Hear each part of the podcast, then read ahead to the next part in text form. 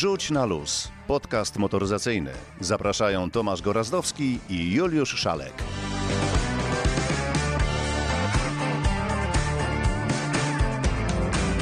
Dzień dobry, dobry wieczór. W końcu nie wiadomo kiedy to pójdzie. 145 odcinek naszego podcastu Wrzuć na luz. No i wiadomo, wiadomo kiedy pójdzie. Rano, wieczorem i po południu. Tak może się zdarzyć. Kończymy powoli Już nawet nie zaczęliśmy. 2023 rok. To takim Nie o końcu na wstępie. Nie strasz, mój drogi, bo tematów mnóstwo, chociaż przecież to jest taki czas międzyświąteczny, bo po świętach, a przed kolejnymi świętami branża jakby nieco wyciszona. Wyciszona, ale to nie tylko w motoryzacji. Naszym zadaniem jest, żeby wyciągnąć jednak coś z trzewi tego motoryzacyjnego świata i o czymś ciekawym wam opowiedzieć. A dzisiaj opowiemy między innymi o Chińskiej, europejskiej już marce.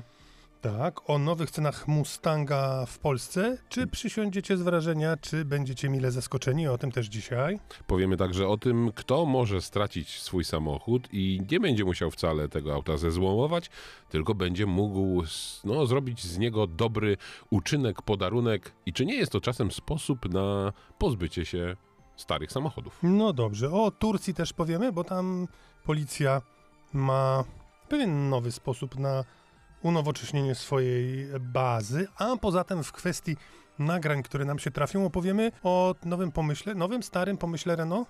Nowym, starym pomyśle Renault na nowe, stare samochody, właśnie na taki pomysł na to, żeby może tych samochodów nie złomować, tylko dać im drugie życie. To jest teraz modne. Zero waste, czyli nie wyrzucać, tylko unowocześniać i cały czas eksploatować. Co na to y, cała branża? No, jestem ciekaw, jak to zostanie przyjęte. Byliśmy na premierze nowego Lexusa i to dość wyjątkowy Lexus. Posłuchajcie, opowie o nim Tomek Okurowski. Z przeszłości zaczerpniemy pełną garścią, y, garścią Antoniego Grudniewskiego. Ciekawe o czym będzie dzisiaj. I zadam ci pytanie. Zadaj im pytanie. Ale to później zadam Dobrze, ci pytanie. będziemy mieć też- Zapowiadam, że zadam ci pytanie. apel, będziemy mieć apel.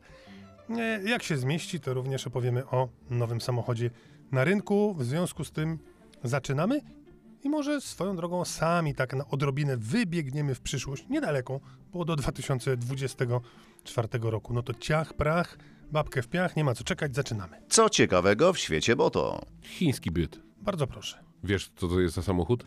Bo wiemy, co to jest za marka, wiemy, że jest chińska, wiemy, że produkuje samochody elektryczne i nie tylko, ale jeszcze tych samochodów marki BYD na polskim rynku nie ma, chociaż długo się o tym mówiło, bo są autobusy.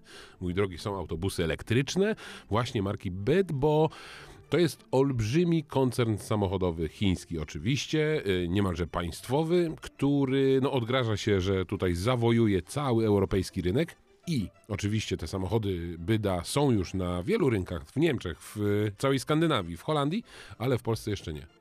Kolejnym krokiem do tego, żeby te samochody były jeszcze bardziej widoczne w Europie jest co? Budowa fabryki chińskich samochodów w Europie. Ale przypominasz sobie historię, w tej chwili jakoś mnie olśniło, że ładnych parę dobrych lat temu, nie tak dwa, bardziej osiem, to już były pierwsze elektryczne bydy, które były wielkie, ciężkie, ale się pojawiały. Nie zawojowały. Rynku, Rynku. nie zawojowały, bo Chińczycy odrabiają lekcję domową. Ale żeby to ująć w jakiejś ramy i nadać temu porządek, to trzeba powiedzieć, że fabryka chińskich samochodów w Europie to jest taki święty gral dla chyba chińskiej motoryzacji, bo wszyscy tutaj chcą wybudować fabrykę, tylko no jakoś Europejczycy się do tego nie kwapią. Ale jest w Europie kraj i nawet jest w Unii Europejskiej taki kraj, który troszeczkę z Unią Europejską jest na bakier. I to jest? Polska, I drugi taki kraj? Węgry. Węgry. I właśnie na Węgrzech będzie wybudowana pierwsza fabryka samochodów osobowych chińskich, bo już na Węgrzech jest fabryka autobusów elektrycznych Byda i teraz obok niej stanie fabryka samochodów y, elektrycznych. Dlaczego to jest takie istotne? No bo mówi się, że chociaż nie obowiązują żadne jakieś szczególne cła na samochody europejskie, y, y, chińskie sprowadzane i sprzedawane tutaj do Europy, ale no jest takie przeświadczenie, że jak coś będzie już produkowane tutaj u nas w Europie, no to będzie bardziej europejskie.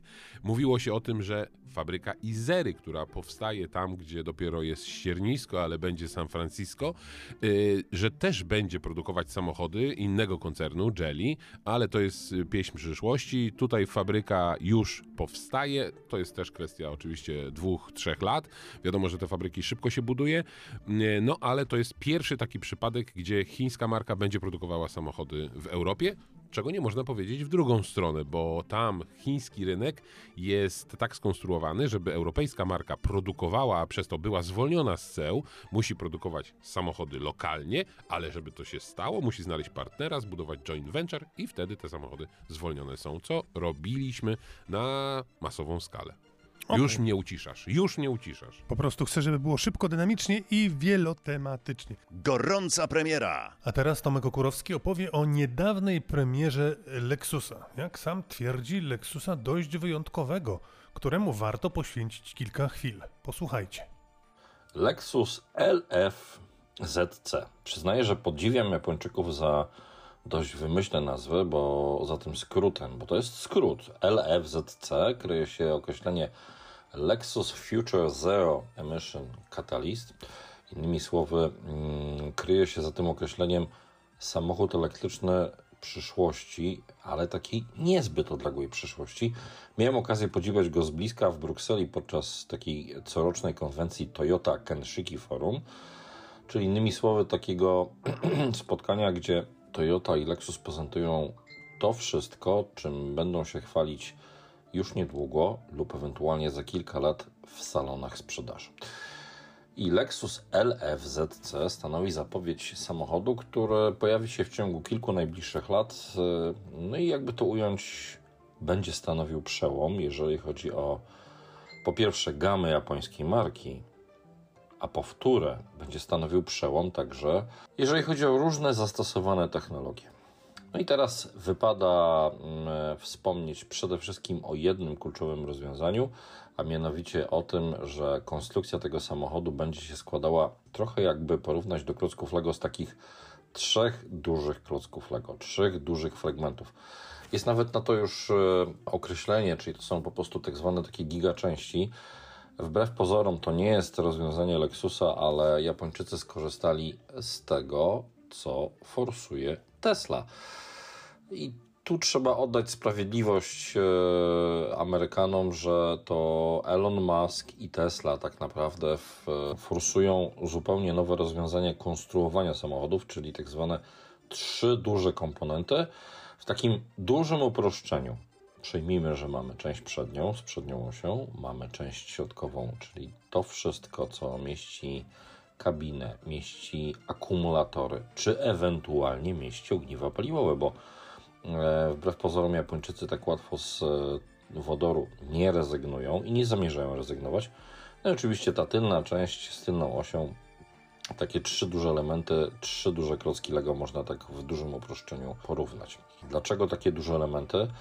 No po pierwsze będzie to wyraźna różnica, jeżeli chodzi o koszty opracowania nowej konstrukcji. Po wtóre to będzie wyraźna różnica, jeżeli chodzi o koszty usunięcia potencjalnych szkód.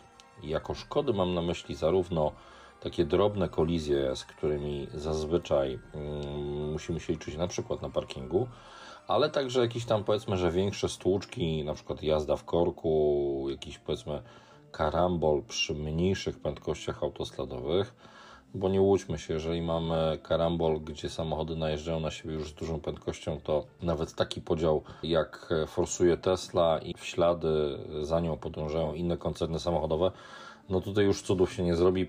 Raczej trzeba się liczyć z tak zwaną szkodą całkowitą. Ale do, to jest tylko jeden z elementów, którymi Lexus LFZC zaskakuje. Miałem okazję wsiąść do tego samochodu, miałem okazję przede wszystkim zobaczyć, bo nie mogę powiedzieć, że pobawić się, dlatego że miałem okazję tylko obejrzeć taki film demonstracyjny na ekranach. To jest zapowiedź zupełnie nowego systemu operacyjnego AREN OS. W dużym skrócie Lexus pracuje nad e, zupełnie nowym oprogramowaniem do samochodów, takim, w którym kluczową rolę będzie już przede wszystkim odgrywał asystent głosowy. Oczywiście jest także interfejs, którego wygląd może stanowić tutaj pole do dyskusji o tym, czym inspirowali się japońscy inżynierowie czy japońscy projektanci. Dla mnie to jest trochę połączenie takich systemów e, mobilnych znanych z iPhone'ów, znanych z telefonów z Androidem, znanych z tabletów, ale także doszukuje się trochę nawiązań do nieco zapomnianego systemu Windows Phone, czyli tak zwanej kafelkologii. Przyznaję, że to jest rozwiązanie, którym e, inspirują się projektanci w wielu markach, no bo nie ma co e, ukrywać, że tak zwana kafelkologia, ale takie duże kafle, po prostu to jest bardzo wygodne rozwiązanie z perspektywy kierowcy, czyli oby jak najmniej uwagi skupić na ekranie, a przede wszystkim skupić się na drodze. Gdy oglądałem Lexusa e, LFZC z pewnej odległości, to na początku zasugerowałem się, że to, co widać na zdjęciach, to, co widziałem na żywo, czyli dwa ekrany przy kierownicy, to po prostu są uchwyty i zamontowane w nich smartfony przy kierownicy. Jakże się myliłem, kiedy już miałem okazję wsiąść do konceptu y, japońskiej limuzyny. Y, no i cóż się okazuje? Wedle twórców limuzyny te dwa niewielkie ekrany, które wyglądają trochę jak smartfony przymocowane w dwóch uchwytach tuż przy kierownicy z obu jej stron, mają nam jako i oczywiście kierowcom znacząco ułatwić obsługę, bo jeden z ekranów będzie służył do tego, żeby na przykład sterować kluczowymi funkcjami samochodu, czyli tryby jazdy, wybór y, biegu y, czy ustawienia klimatyzacji. Drugi zaś ma służyć do tego, co też przykuwa naszą uwagę w trakcie jazdy, czyli przede wszystkim do wygodniejszego sterowania systemem multimedialnym.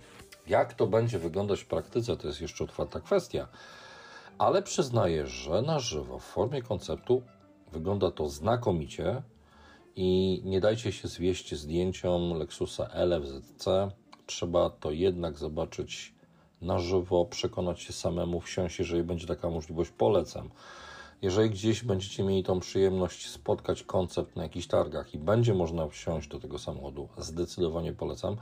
Na koniec taka ciekawostka, jak zerkniecie na zdjęcie Lexusa LFZC, Mm, to jak myślicie, jak wiele czasu poświęcono na zbudowanie takiego konceptu?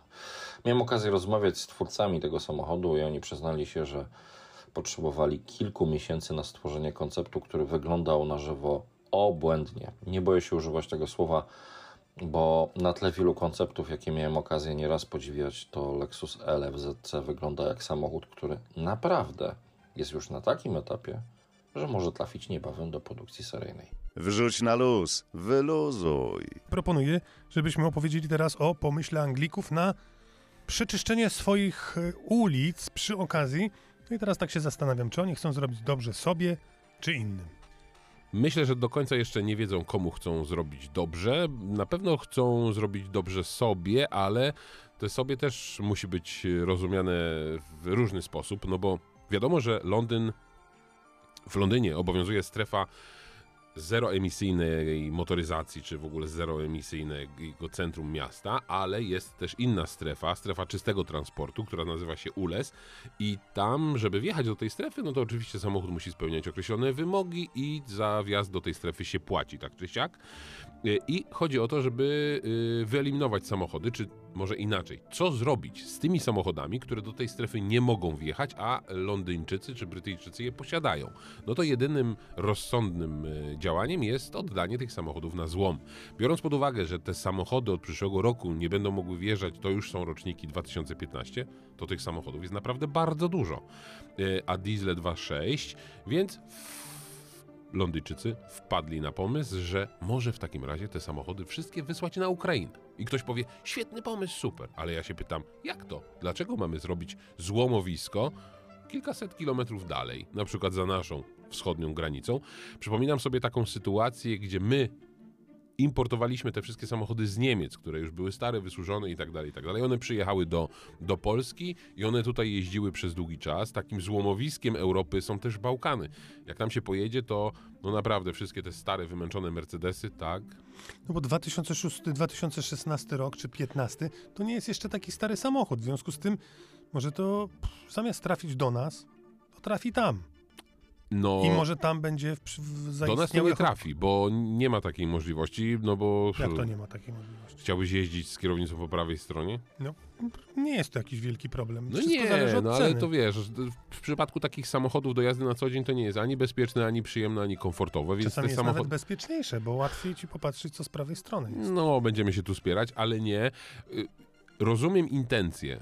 Y, Ukraina potrzebuje różnego rodzaju samochodów i te samochody do Ukrainy trafiają. Niektórzy zbierają te samochody, ale to są zupełnie inne samochody. To są samochody, które mają służyć y, żołnierzom do walki w polu i nie tylko, do logistyki. A tutaj mówimy o zwykłych, małych, miejskich samochodach, które co? No po prostu chcemy się ich pozbyć, bo nie za bardzo mamy na nie pomysł, albo po prostu one będą zezłomowane i, i co? Po prostu do przetopienia się nie nadają, y, będą zalegać na placach. Więc to można pod szczytłym, szczytnym hasłem y, pomocy międzynarodowej oddać Ukrainie. Ale ja myślę, że mm, jeżeli dobrze się do tego podejdzie, to trochę dobrego z tego może wyniknąć.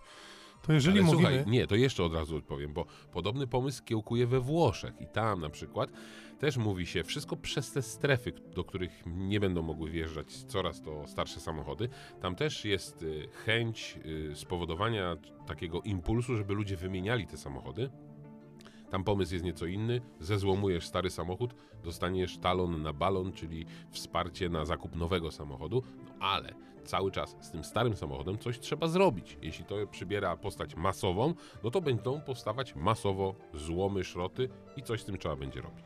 Okej, no to połączmy teraz y, kropki. Być może pewnego rodzaju pomysłem jest to, co zapowiadaliśmy, czyli pomysł Renault, by klekotom dać drogie życie. No i to jest właśnie idealne e, rozwiązanie, aczkolwiek też idealne z perspektywy użytkownika takiego samochodu, mniej idealne z punktu widzenia ekologa, który na pewno chciałby nas przesadzić na rowery albo w komunikację miejską, albo w ogóle, żebyśmy stali się na przykład listkiem w ziemi. Tam- Staniesz się listkiem w ziemi, No tylko jeszcze za jakiś Y, czas. Pomysł tak, pomysł Renault y, nie jest ani jakoś szczególnie odkrywczy, ani jakoś szczególnie nowy, ale przybiera nową formę i też na nowo będzie y, debiutował na polskim rynku.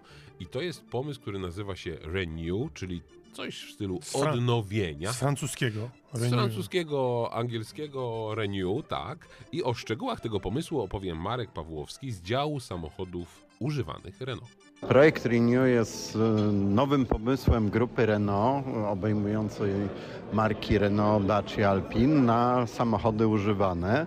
E, Będzie ten projekt wdrażany na całym świecie, w Europie i również w Polsce w pierwszym kwartale 2024.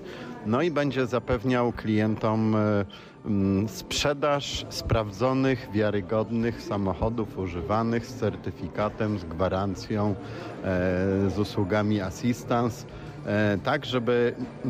No i na, na koniec jeszcze z gwarancją satysfakcji z tego samochodu, żeby klienci po prostu z chęcią e, kupowali samochody używane e, w, w Renew. Czyli jeśli ja mam używaną Dacia albo Renault, to moja korzyść jest taka, że mogę osiągnąć wyższą cenę przy jej sprzedaży, jeśli ten samochód zostanie przez Was sprawdzony. A z kolei kupujący ma gwarancję, że ten samochód, który kupi od Was y, z sieci samochodów używanych, no, jest w dobrym stanie i jeszcze dodatkowo ma gwarancję y, i pakiet serwisowy, tak? Dokładnie tak, to znaczy mm, my stale mamy e, w ofercie e, e, taką tak zwaną bezpłatną wycenę pojazdu klienta, zarówno na, st- na stronach e, Renault i Dacia, więc e, może Pan wprowadzić dane swojego e, samochodu i uzyskać tą bezpłatną wycenę i później dany partner, najbliższy Pana lokalizacji, skontaktuje się z Panem. Zaprosi na y, oględziny tego pojazdu i jeśli te wszystkie rzeczy się potwierdzą, to być może nawet podbije i zaproponuje wyższą cenę niż to wynika no jakby z takiej automatycznej e, kalkulacji. Więc jak najbardziej jesteśmy e, bardzo zainteresowani pozyskiwaniem e, samochodów używanych od naszych klientów które y, jesteśmy w stanie sprawdzić, naprawić, y, usunąć y, rysy, wgniecenia i tak dalej i po prostu sprzedać, zaoferować je innym klientom z dodatkową gwarancją, z assistance na samochody używane. Czyli jeśli ja przyjadę do Was y, z takim samochodem i po sprawdzeniu, po wycenie okaże się, że do naprawy jest kilka elementów, to mogę ja je naprawić i Wam odsprzedać, albo po prostu się z Wami dogadać, kto już y, to zrobi i za jakie pieniądze. Tak jest, y, nie ma problemu. Samochód zostanie skierowany do serwisu, no i po prostu serwis mm, dokona kalkulacji oceny kosztów, natomiast no, zawsze decydujący głos ma ten zakupowiec, bo no, niektóre rzeczy istotne dla tego samochodu mm, no on będzie chciał naprawić, tak? E, A być może e, nie, niektóre elementy mniej istotne, które dla nas są mało kłopotliwe do usunięcia, typu, nie wiem, rysy, wgniecenia i tak dalej, po prostu obejdzie się to bez dodatkowych kosztów dla Pana jako klienta, tak? Czyli to jest program Renew, ale Renault ogłosiło też jakiś czas temu zupełnie inny program. e, Program, w którym no, skupuje samochody i je w fabryce naprawia, tudzież przywraca do żywych. I ten program no, nie pojawi się w Polsce w pełnym wymiarze, chociaż właśnie okazuje się, że coś na wzór e, będzie także w Polsce. Jak to będzie wyglądało? E, tak, to znaczy chodzi o program Refactory. E, natomiast tu chciałbym sprostować, że w Polsce program Refactory będzie wdrażany, tylko na rynku polskim po prostu nie mamy fabryki Renault, e, tak jak we Francji, na przykład e, w fabryce Flin e, została stworzona Refactory zajmująca się renowacją i przygotowaniem samochodów używanych z całego regionu paryskiego. Podobne fabryki są, refaktory są w Hiszpanii, w Sewilli i w Turcji, w Bursie. Prawdopodobnie w lutym będę miał okazję być w refaktory w Bursie. Natomiast my, no nie mając fabryki y, y, z koncernu Renault na terenie Polski, będziemy opierać się przy projekcie refaktory w oparciu o inwestycje naszych dealerów i docelowo y, w ciągu 3-4 lat chcemy stworzyć y, trzy takie punkty refaktory na północy, w okolicach Warszawy i e, na południu. Generalnie chcemy zapewnić jak najszerszy zakres y, e, napraw i jesteśmy No widzisz, czyli pomysł jest w zasadzie w istocie bardzo prosty. To Renault skupuje samochody, odnawia je i Daję dalej. Sprzedaje po raz któryś. Ale w tym pomyśle jest jeszcze jedna ważna rzecz, że cały czas Renault o tym myśli i to już jest i to się dzieje, tylko te fabryki nie są tak masowe. Renault myśli nad tym, żeby ze starych samochodów robić samochody elektryczne, czyli żeby je konwertować, jeśli chodzi o napęd. I to moim zdaniem jest pomysł, bo nie potrzeba produkować drugi raz samochodu nowego, tylko wystarczy wsadzić do niego napęd elektryczny. A powiedzmy sobie szczerze, cena może być atrakcyjna, niższa, a wcale ten zasięg w przypadku takiego samochodu, taniego i miejskiego, nie musi być jakiś nie wiadomo liczony w setkach kilometrów. No widzę twój No entuzjazm. widzisz, no bo cała ta filozofia, że musisz stworzyć nowy samochód, nową bazę, nową platformę, żeby to wszystko było dopasowane do elektryków, to bierze w łeb, skoro do użytego benzyniaka będziesz w stanie wsadzić baterię i przekonwertować go na prąd. No widzisz, a gdyby nie chodziło firmom tylko i wyłącznie o zyski, a wiadomo, że y, no Renault jest firmą, która umie liczyć i chce tutaj nieco inaczej iść y, niż z nurtem, no to, to jest, wydaje się, miejsce i na tego typu produkty, i na oczywiście te nowe samochody, które są zbudowane, tak jak mówisz, na nowych platformach, z wykorzystywaniem nowej technologii i tak dalej, i tak dalej. I nie upieram się i nie twierdzę, że te odnowione czy przekonwertowane samochody na napęd elektryczny, one są super ekologiczne, super wydajne, ale są zdecydowanie tańsze. No i tutaj wracamy do odwiecznego pytania. Co jest bardziej ekologiczne?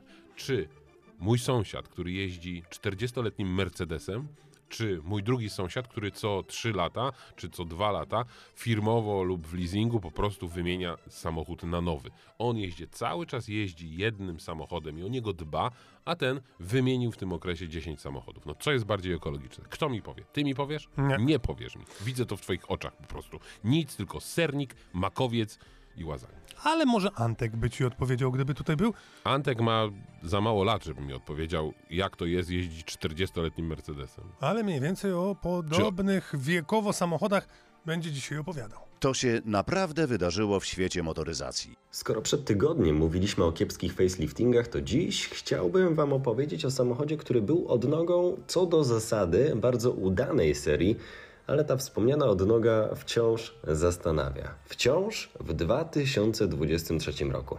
Zaciekawieni? No to rozsiądźcie się wygodnie, bo będzie bajera i będę szumiał brodą, której nie mam.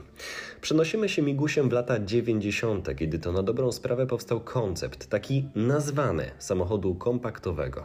Oczywiście już wcześniej było sporo aut, które spełniały te określone wymagania i oczekiwania klientów, ale przed 30 laty powstał osobny segment, w którym prym wiodły dwie bardzo podobne do siebie maszyny. Volkswagen Golf czwartej generacji i Audi A3. Zwarte, ale nie za małe, przestronne, ale nie luksusowe, żwawe, ale nie sportowe i tak dalej, i tak dalej. Oba auta odniosły na tyle duży sukces i okazały się na tyle dobrymi projektami, że wiele marek po dziś dzień czerpie z ich rozwiązań. One są jakimś punktem odniesienia.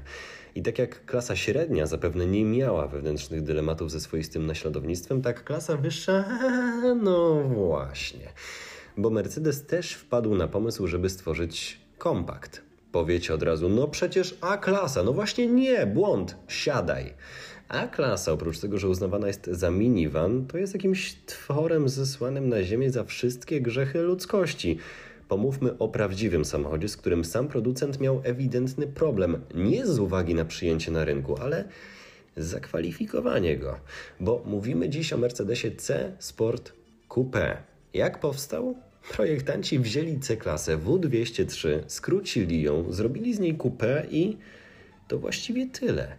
Tyle i aż tyle w ramach marki, która raczej słynęła z konserwatywnego podejścia. Dali się ponieść, nie dziadując, przynajmniej jak BMW, które tworząc serię 3 Compact, czyli analogiczny pomysł, oszczędziło na wnętrzu nie, środek tutaj był niemalże przeklejony z prawdziwej C-klasy. Tyle, że w kampanii reklamowej podkreślono jego odrębność, nieprzynależność do tej C-klasy, ale tworząc z niego protoplasty kompaktów w gamie Mercedesa. Co ważne, coupé, jak sama nazwa wskazuje, bo auto rzekomo nie było trzy, ale dwudrzwiowe. Nie ma zatem mowy o hatchbacku, którym przykładowo jest Golf 5, ale nie jest nim? No właśnie, Volkswagen Sirocco, wszyscy razem. Tak samo tutaj styl i linia kosztem praktyczności, ale co ważne, kupę. Swoją drogą Mercedes musiał wtedy miło zaskoczyć swoich nieco mniej zamożnych klientów, nie denerwując przy okazji tych bogatych, jak przy okazji premiery A-klasy. Na luzie. Pogadajmy. To teraz w takim razie możemy zgrabnie przejść, no na zasadzie ciekawostki, bo to z motoryzacją jako taką nie ma wiele wspólnego, ale co by było gdyby? Gdyby nasi ustawodawcy chyba, bo tak trzeba to mm, powiedzieć, wpadli na pomysł, taki pomysł, na jaki wpadli Turcy. I okazuje się, że Wpadli taki sam, na taki sam No pomysł. właśnie. Bo tam już jest TOG, samochód elektryczny, a my jeszcze ja- nie mamy Izery. ale a ja nie o tym to- mówię, A, ja o tym. Mówię, wiesz, o tej flocie samochodów. Słuchaj, no pomysł bardzo prosty, banalny. No wręcz powiedzieć by można, że nasuwający się sam na język. No przecież jeśli mamy do czynienia z przepadkiem mienia, które zostało wykryte w drodze przestępstwa albo odebrane y, jakimś ludziom, którzy mają na bakier z prawem i zostało to sądownie wszystko już załatwione, to co można zrobić z tym samochodem? Sprzedać. Sprzedać. No właśnie, i tak się dzieje u nas. Czasami te samochody są sprzedawane, y, czasami miasta sprzedają samochody, które Można na zostały scholowane i tak Oddać dalej. do tak dalej. dyspozycji sierocińca, żeby mieli. Otóż nie można, no a No właśnie, Byłoby a w fajnie, Turcji było można. można. W Turcji okazuje się, że nawet samochody, i to nawet luksusowe samochody, można oddać służbom, na przykład policji, i żeby taki policjant, na przykład z posterunku numer 658 ze wschodniego Stambułu, jeździł takim Bentleyem. Co ty na to? służbowo. No oczywiście, że służbowo i tam ścigał tych złoczyńców i stawiał mandaty. Sprawa wydaje się prosta, ale tak właśnie postanowiono w Turcji, że wszystkie samochody, które zostały odebrane przestępcą i nie wiadomo za bardzo, co z nimi można by było zrobić, no to zostały przekazane policji. U nas odbywa się to tak, że te samochody oczywiście trafiają na rzecz Skarbu Państwa i później są licytacje i te samochody są sprzedawane.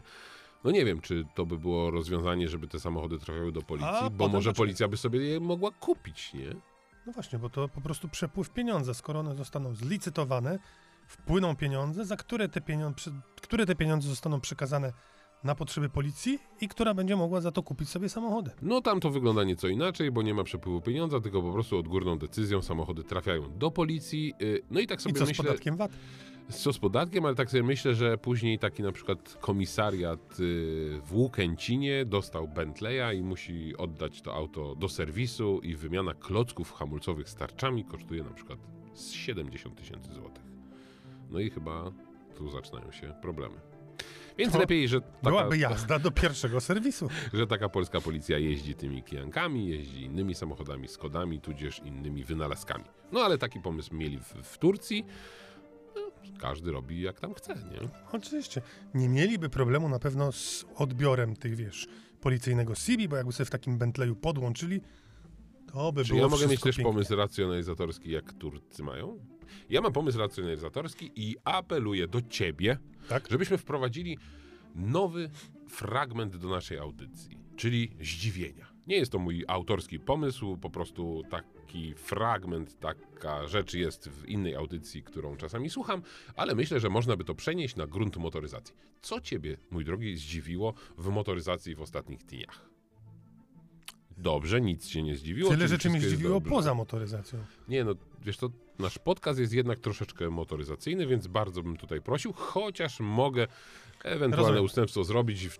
Nie, wszystko zmierza do tego, żebyś powiedział, co ciebie zdziwiło. Tak, mnie No bardzo zdziwiło słuchamy. i dziwi mnie to za każdym razem. Niesamowita historia. Otóż za każdym razem, gdy jest jakieś święto narodowe, jakieś święto religijne i tak dalej, policja ogłasza wielką akcję Pod kryptonimem. pod kryptonimem, Znicz. czy to znicz, czy to gwiazdor, czy to święty Mikołaj, tudzież bezpieczeństwo. Tak samo było i tym razem przed świętami, a akurat na święta musiałem pokonać pewien dystans po Polsce.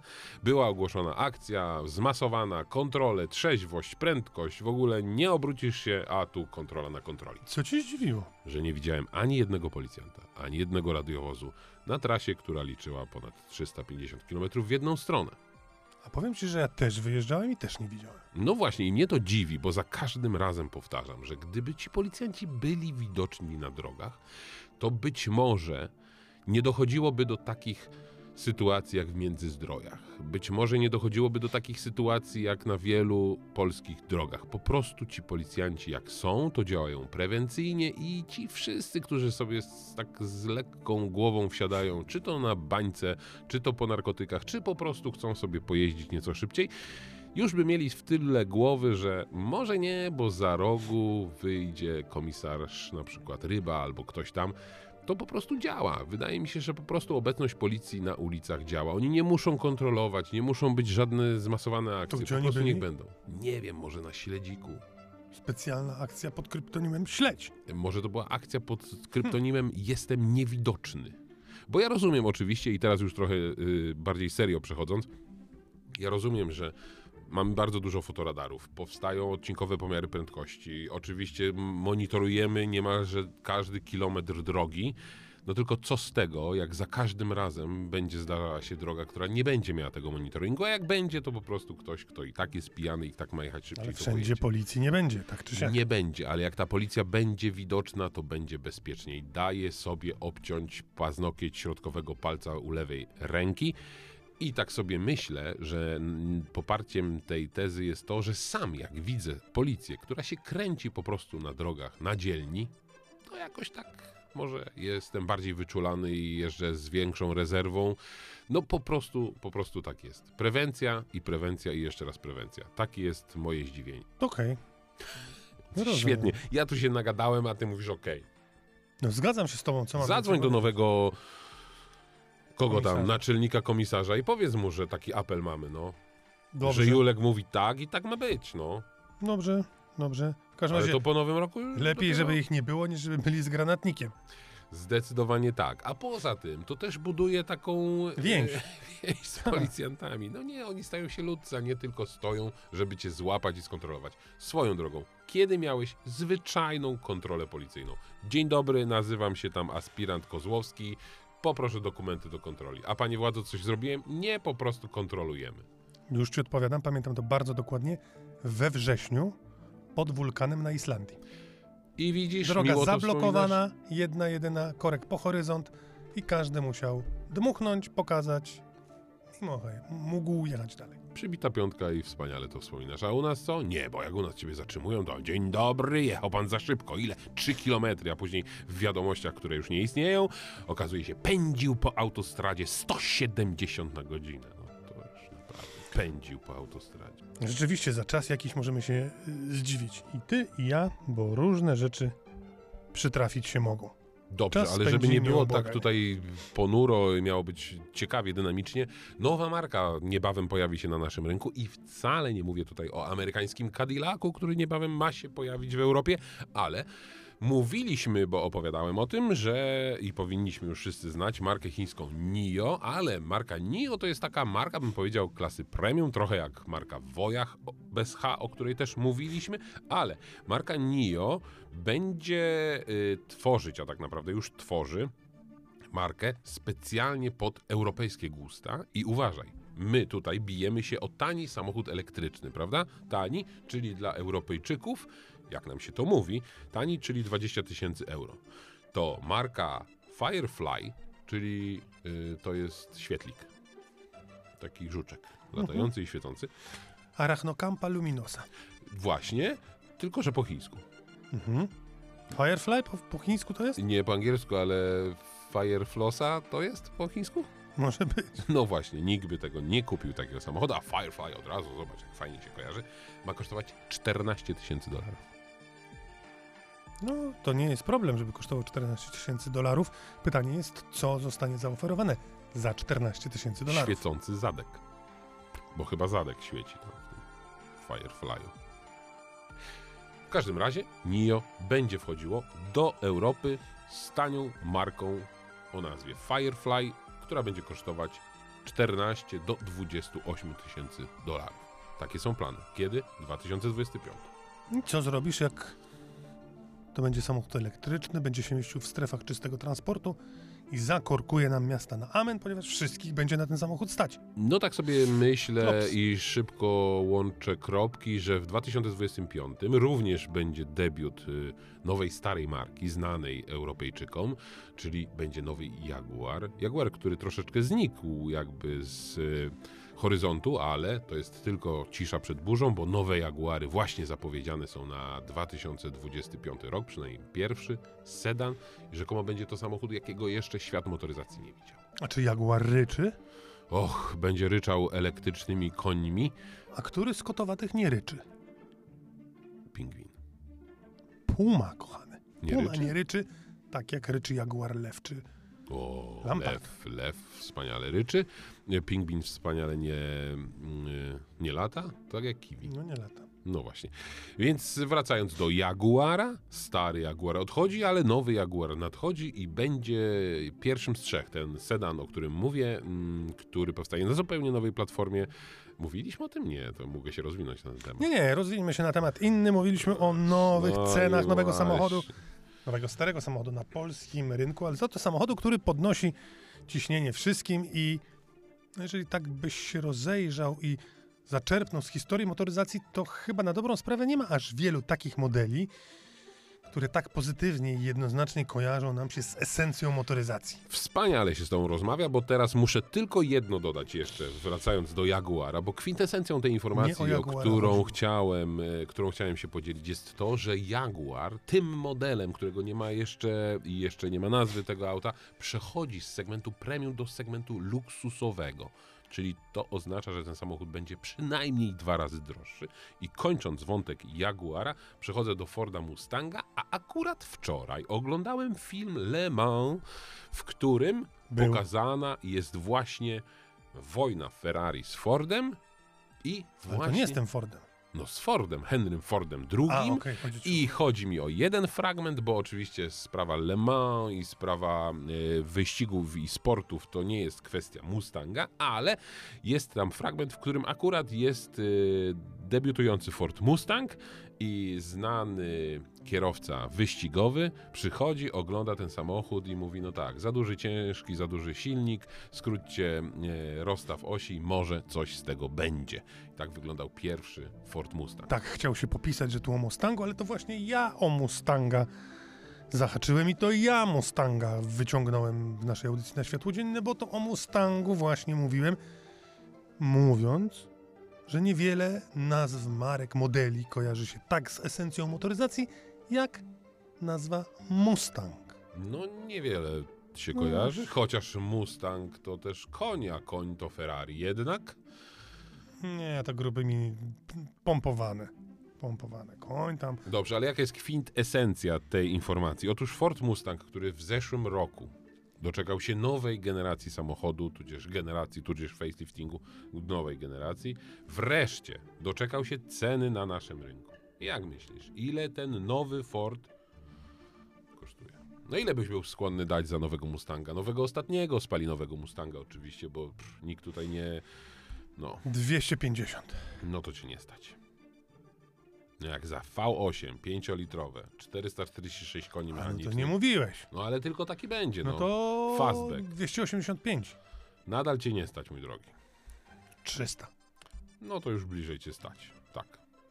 300 tysiączków. Podstawa, bo nie mówimy tutaj o Dark Horse. No, ale wziąłbym zniżkę dla dużej rodziny i może by się udało coś. No, to taki fajny to już 360, więc tam ta zniżka niewiele pomoże, ale warto powiedzieć, że to jest ostatni taki Ford Mustang, bo już na przykład jak ktoś by chciał kupić sobie Audi R8, no to już niestety nie za bardzo może, chociaż ostatnie sztuki jeszcze, jeszcze można zamówić, a, a może nawet w przyszłym tygodniu byśmy poopowiadali o tym samochodzie, jak on jeździ w ramach naszego testu? Tak, zróbmy, tak, zróbmy. Już zapowiadam w przyszłym tygodniu Audi R8. V10. Pożegnalna wersja. Dobrze, bardzo pięknie. E, aha, powiedzieliśmy 360, tak? Tak. No 303 w podstawie, ale 360 taka wersja, w której nie wstyd się pokazać na mieście. Okej, rozumiem. To teraz oddajmy głos na chwilę. Ja wiem, że to może nie czas, nie pora, ale motocykliści są wśród nas. Oddajmy głos gamoniom, e, chociaż wiesz, że jak to jest z tym wyjściem w góry, że czasami pogoda jest nie taka i tak dalej. Pogoda jest zawsze taka, tylko jesteś źle ubrany, więc na motocyklu możesz jeździć zawsze. Polecam śledzić na Facebooku profil Marka Suslika. Marek Suslik, który właśnie no, dzisiaj, jutro, a najpóźniej w ciągu tygodnia wyrusza w podróż motocyklową po Alasce w środku zimy. On Bo, taki je, jest. bo jest cieplej. No nie, raczej nie jest cieplej, ale on lubi zimno. Kiedy jechał przez Syberię, średnia temperatura, nie wiem czy ci już mówiłem, średnia temperatura podczas podróży Mówił, wynosiła nie? Mówił, mówił. minus 53 stopnie. To tutaj będzie cieplej zdecydowanie, ale jedynym plusem tego jest brak komarów i muszek, To prawda, brak grząskich dróg. Wszystko Tylko- skute na lód. tylko na śliskie za to.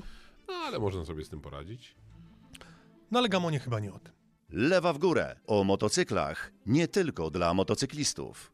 Mam przemyślenia odnośnie rynku motocyklowego i tego, jak bardzo dzisiaj ulega on temu, co chcą motocykliści, a tak naprawdę może nie dokładnie tego, czego oni oczekują od motocykli, tylko o ile to nie za, nie za bardzo zagmatwanie zabrzmi, wydaje im się, że oczekują od motocykli. Dążę do tego, że pewne klasy motocykli po prostu wyginęły. Bardzo dobre motocykle przestały być praktycznie oferowane na rynku. Chodzi mi o motocykle sportowo-turystyczne. No i też często sportowe, chociaż teraz widać odrodzenie.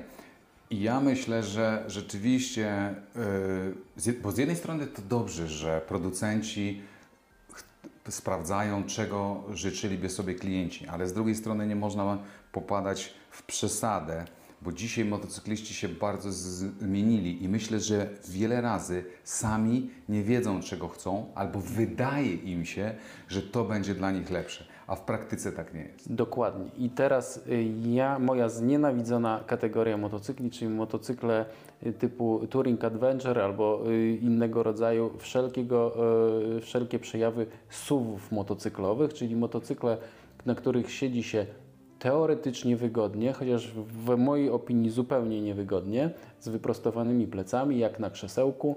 I w ten sposób podróżujemy i jedziemy sobie, bo wydaje, mi się, wydaje się nam, że to jest najwygodniejsza i najfajniejsza pozycja na motocyklu, a później zderzamy się z takim motocyklem jak Hayabusa, wsiadamy i okazuje się, że nogi lekko do tyłu, pochylona sylwetka lekko do przodu i opieranie się na kierownicy to jest właśnie to, co jest najfajniejsze.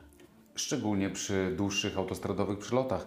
E, To my to wiemy. Jazda motocyklem e, typu GS z wyprostowaną pozycją na szybkich autostradowych przylotach nie jest najwygodniejszym rozwiązaniem, ale oczywiście jest to też kwestia pewnych e, kompromisów.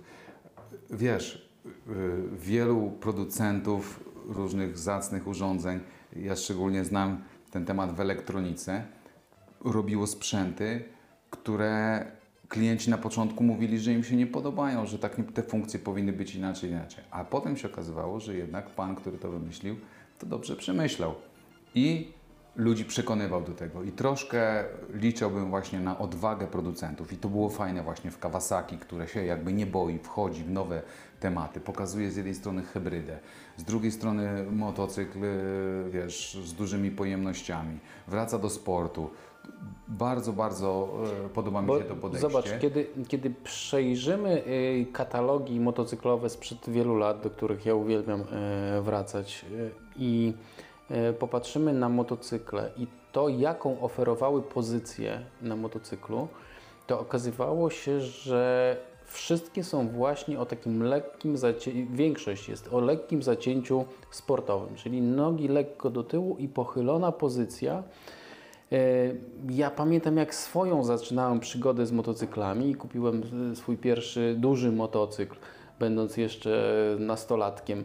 E, Był to Avo Simpson e, 254-suwowa. To jest taki motocykl, o którym może nie, nie każdy słyszał, że taki, taki pojazd był. I też mi się wydawało, że kiedy na nim siadałem, że ta kierownica jest po prostu za nisko. I, I to jest niedobrze, bo ja chciałbym siedzieć wyprostowany. Ale kiedy zacząłem nim jeździć, okazało się, że gdyby on miał wyższą kierownicę, to byłby po prostu duży błąd. No właśnie, Dlatego wtedy producenci trochę narzucali nam, że to jest dla nas dobre i myśmy to przyjmowali i po prostu y, na własnej skórze doświadczaliśmy tego, że ktoś to przemyślał. A teraz po prostu producenci idą za ciosem i wydaje się y, im to łatwiejszą drogą. Klienci chcą siedzieć w wyprostowanej pozycji, krzesełkowej i że to jest dobre dla nich i dla ich kręgosłupów, co jest Tak, absolutnie Szymon- nieprawdą. Szymon, faktem jest to, że ludzie, czy kierowcy, motocykliści jeżdżą dzisiaj coraz mniej. I teraz jeśli ty jeździsz tylko przejażdżki po mieście albo krótkozasięgowo, to taka pozycja na chwilę y, bulwarowa nie jest zła, tak? Ale jeśli my mówimy o tym, że mamy strzelić trasę po Europie i w tydzień zrobić 4000 kilometrów, no, No, to no. z- zupełnie Tak, inaczej Rafał, to ja, wygląda. ja się z Tobą zgodzę, natomiast wiesz, trzeba pamiętać o tym, że też ta pozycja taka lekko sportowa y, daje też dużo lepsze poczucie tego motocykla w 100%. prowadzeniu i kontroli. Jeśli ma rośnie performance, czyli masz jechać szybciej, ambitniej, bardziej sportowo, Sprawniej po sprawniej, no to wiadomo, że lepiej iść w tą stronę. Ale czy dzisiaj, wiesz, cały rynek, Unia Europejska chce, żebyśmy jeździli wolno, żebyśmy się Nie, snuli? Unia Europejska chce, żebyśmy w ogóle nie jeździli, nie mieli swoich pojazdów i organizowali się w zbiorkomie. No, No właśnie, dlatego trzeba z tym walczyć i my jesteśmy kupować motocykle. sportowe, albo przynajmniej sportowo-turystyczne. Wszystkie motocykle. No i na koniec chcieliśmy Wam zaproponować takie na razie spokojne, Sentymentalne? czy ja wiem? Nie. Nie, nie, Szybkie, ale dynamiczne, skrót, flashback, refleks i w ogóle taki szybciutki Proszę, skok w zaczynaj. przyszłość z przeszłości. Pytanie do Ciebie. Czym Twoim zdaniem będzie zajmować się motoryzacja w przyszłym roku? Bo w tym roku mam wrażenie, że wcale, choć dużo o tym mówiliśmy, nie zajmowała się chińską motoryzacją. Mam wrażenie, że to przyszły rok dopiero będzie stał pod znakiem, w Europie tutaj, pod znakiem chińskich samochodów. Ja myślę, że podstawową, podstawowym zajęciem inżynierów motoryzacji będzie wynajdywanie albo ulepszanie akumulatorów, żeby one były jeszcze gęstsze, jeszcze bardziej wydajne, jeszcze lżejsze, aby żeby zasięg elektryków jest- był coraz dłuższy. Ale to jest temat mało sexy, bo tego nie widać, nie widać co jest w baterii, nie widać jak ona wygląda, nie widać czy tam jest gęściej prądu żeby było natkany, czy sexy, nie. to idź sobie na pokaz Victoria's Secret, no chłopie. Nie, bo tam już nie ma tych aniołków Charlie'ego, co Wiesz co, czy już wróciły. są inne, no. Są inne. Aha. Nie wiem, nie, nie zaś- bywam, nie nie, kontroluję. Ale wydaje mi się, że ten temat jednak y, akumulatorów, on jest po prostu. Będziemy żyli tą chińską motoryzacją. Będziemy żyli bardziej może i też tymi napędami, bo nikt nie powiedział przecież, że samochody na prąd to jest jedyne słuszne rozwiązanie, więc może gdzieś tam ten wodór się będzie pojawiał i od razu Prezes zadamy... Pawlak powiedział wyraźnie, że wodór się będzie pojawiał, czyli No, prezes trudno, żeby prezes. Pawlak powiedział, że się nie będzie pojawiał, skoro jako jedyna marka mają samochód na wodór Halo, halo, jak jedyna. w masowej sprzedaży. A Hyundai? W masowej sprzedaży. No, no. No taka sprzedaż masowa, ale możesz sobie kupić. Możesz zawsze sobie kupić wytwórnię gazu. Możesz sobie kupić na przykład yy, elektrownię atomową i postawić na działce. Ale czym będzie żyła jeszcze motoryzacja? Jak myślisz, czy będzie żyła motoryzacja designem i tym, co tak zawsze rozpala, czyli osiągami? Czy tu już doszliśmy do takich wartości, że przyspieszenie że nie będzie. poniżej 3 sekund do setki to już w zasadzie jest szczyt wszystkiego i nie jest to nic nadzwyczajnego, bo to jest osiągalne No, praktycznie. I V6 tam jak dobrze przyciśniesz tutaj. No właśnie, czyli nie. Czyli będziemy żyli strefami czystego transportu, Tak. bo one będą pojawiały się. Zakazami, zakazami, nakazami, normami. Też będziemy tym żyli. Podwyżkami. Czy O, myślisz, że będziemy żyli podwyżkami? Benzyny nie, bo zobacz, 6,19, 6,18. Takie ceny. Moment, moment, ale to jeszcze się Ale mówisz zmienić. o E10, tak? Pamiętam, będziemy mówili o tym, czy będziemy tankować E5, czy E10 i jakie to będzie rodziło skutki. Ja już jestem, wgryzam się w temat i sprawdzam go dla ciebie i dla was, żebyśmy mogli wiedzieć, czy ze spokojem można zatankować E10, czy nie. Widzę, że w twoich oczach wielką pustkę. No nie, nie. Czekam, kiedy twoje badania nabiorą realnego kształtu i powiesz coś, czy można, czy nie można i co ewentualnie trzeba zrobić. Już mogę teraz powiedzieć, że Nie, nie, nie, nie, wiem, tydzień. czy można, ale trzeba, bo tydzień, alternatywy nie ma, chyba że masz po prostu silnik diesla. Wtedy nie masz się czym martwić, po prostu lejesz rzepakowy do samochodu i przepali to wszystko, że hej. Ale mówiąc na serio, to w przyszłym tygodniu postaram się coś więcej powiedzieć na ten temat i być może, być może namówię jedną osobę, która temat ma zgłębiony i powie właśnie, czym to grozi, jakie skutki, co, jak uważać i jak sobie z tym radzić w przypadku starszych samochodów i klasyków. A to wszystko wydarzy się w 146 odcinku naszego podcastu. A żeby pokazać, że jesteśmy dobrze wychowani i że nasi słuchacze nie są nam obojętni, tylko że jesteśmy z wami zżyci tak, jak zżyci być możemy. To Tomek chciał internet. piosenkę. Nie, nie piosenkę, ale chciałem wam życzyć, żeby ten rok, bo Juliusz tydzień temu po prostu jak pojechał, to... Więc ja wam życzę po prostu, żeby było na pewno lepiej niż w tym roku, jakkolwiek dobrze byłoby. I żeby też motoryzacyjnie było fajnie i żeby y, grono naszych słuchaczy się stale powiększało. Dziękuję. No to ja już tylko powiem do siego roku.